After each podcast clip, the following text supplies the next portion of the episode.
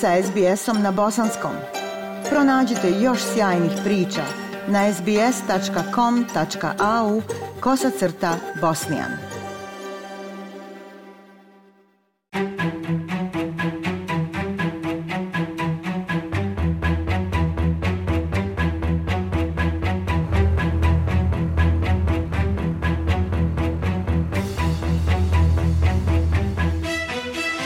Slušate SBS program na bosanskom jeziku. U narednim minutama govorimo o najvećem postrojenju za sortiranje otpada na svijetu koji bi mogao značiti revoluciju u reciklaži. Novo najmodernije postrojenje za sortiranje plastike, najveće te vrste na svijetu, pušteno je u rad u Švedskoj. Dovoljno je veliko da primi gotovo sav plastični otpad iz švedskih domaćinstava. Kako izvještava Debora Grorka, ova tehnologija mogla bi imati implikacije na australske vlade i kompanije koje sve više prihvataju nastojanje da postanu ekološki prihvatljive.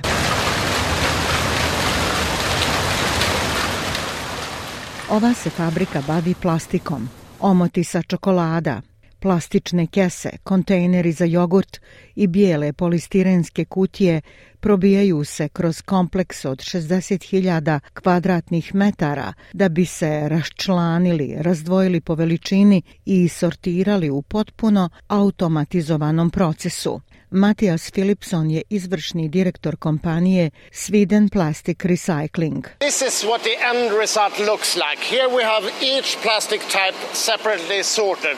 Have Ovako izgleda krajnji rezultat. Ovdje imamo svaku vrstu plastike posebno sortirano. Tu su boce kečapa, a ovdje su pakovanja za kiselo vrhnje. Ovdje imamo puno omota od slatkiša, a ovdje krute različite plastike i sve se sortira posebno, tako da se može posebno reciklirati.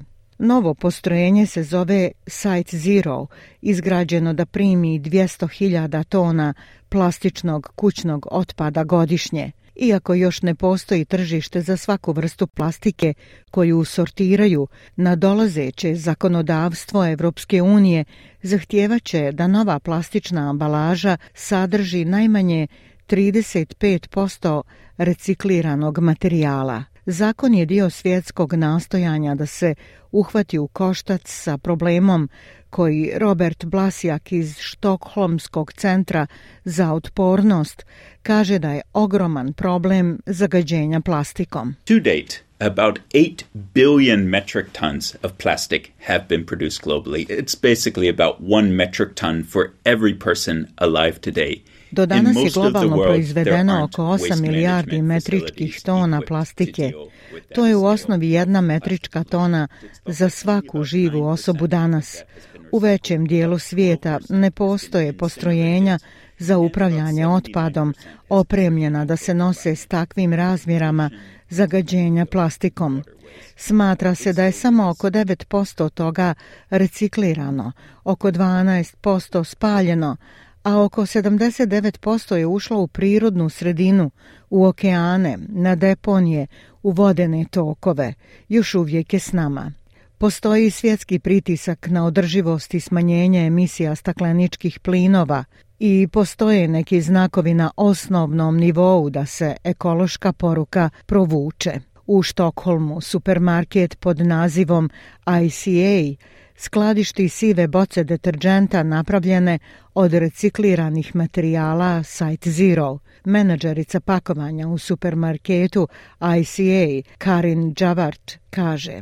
This uh, particular product is the flagship of the circularity that we are trying to Ovaj konkretni proizvod je vodeći model cirkularnosti koji pokušavamo postići, gdje naša reciklirana ambalaža postaje nova ambalaža, a dolazi samo iz švedskih domaćinstava. Karen Javert kaže da supermarket želi raditi sa Side Zero kako bi koristio manje vrsta plastike, izbjegavajući tamnu plastiku koju mašine teško sortiraju i izbjegavajući previše etiketiranja koje umanjuje kvalitetu konačnog recikliranog materijala. The most important purpose of the packaging is to protect the product.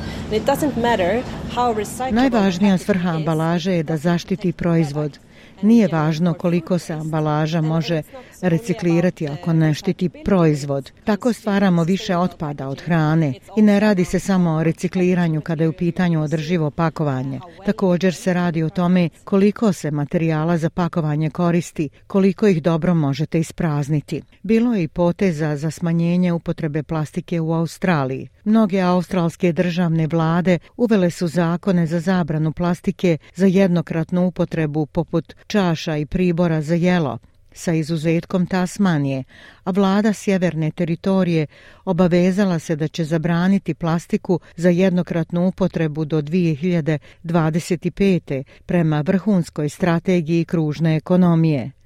Coles, Woolworths i Aldi se nadaju ponovnom pokretanju prikupljanja i recikliranja mekane plastike do kraja godine, ali taj rok koji su sami nametnuli moglo bi biti teško postići zbog nedostatka postrojenja za reciklažu. Međutim, Robert Blasija kaže da istraživanje centra pokazuje da korporacije u velikoj mjeri gledaju na održivost isključivo kroz prizmu recikliranja, dok se druge faze životnog ciklusa plastike uglavnom ignorišu kako je globalno proizveden plastični otpad skoro utrostručen do 2060. godine, on kaže da je potrebna promjena u percepciji. We need to focus upstream to the earlier stages of the plastics life cycle if we're going to bring the plastics footprint down. Moramo se fokusirati na ranije faze životnog ciklusa plastike ako želimo smanjiti plastiku. To znači gledati na dizajn proizvoda. To znači tražiti alternative plastičnoj ambalaži, smanjujući količinu plastike to je zapravo potrebno u pakovanju, u operacijama, u otpremi, u transportu, sve ove različite faze koje dolaze prije nego što uopšte počnete razmišljati o recikliranju ili spaljivanju ili odlaganju plastike. Za SBS program na bosanskom jeziku Aisha Hadži Ahmetović. SBS na bosanskom. Podijelite naše priče preko Facebooka. Želite poslušati još ovakvih priča? Slušajte preko Apple podcasta, Google podcasta, Spotify ili kako god da primate svoje podcastove.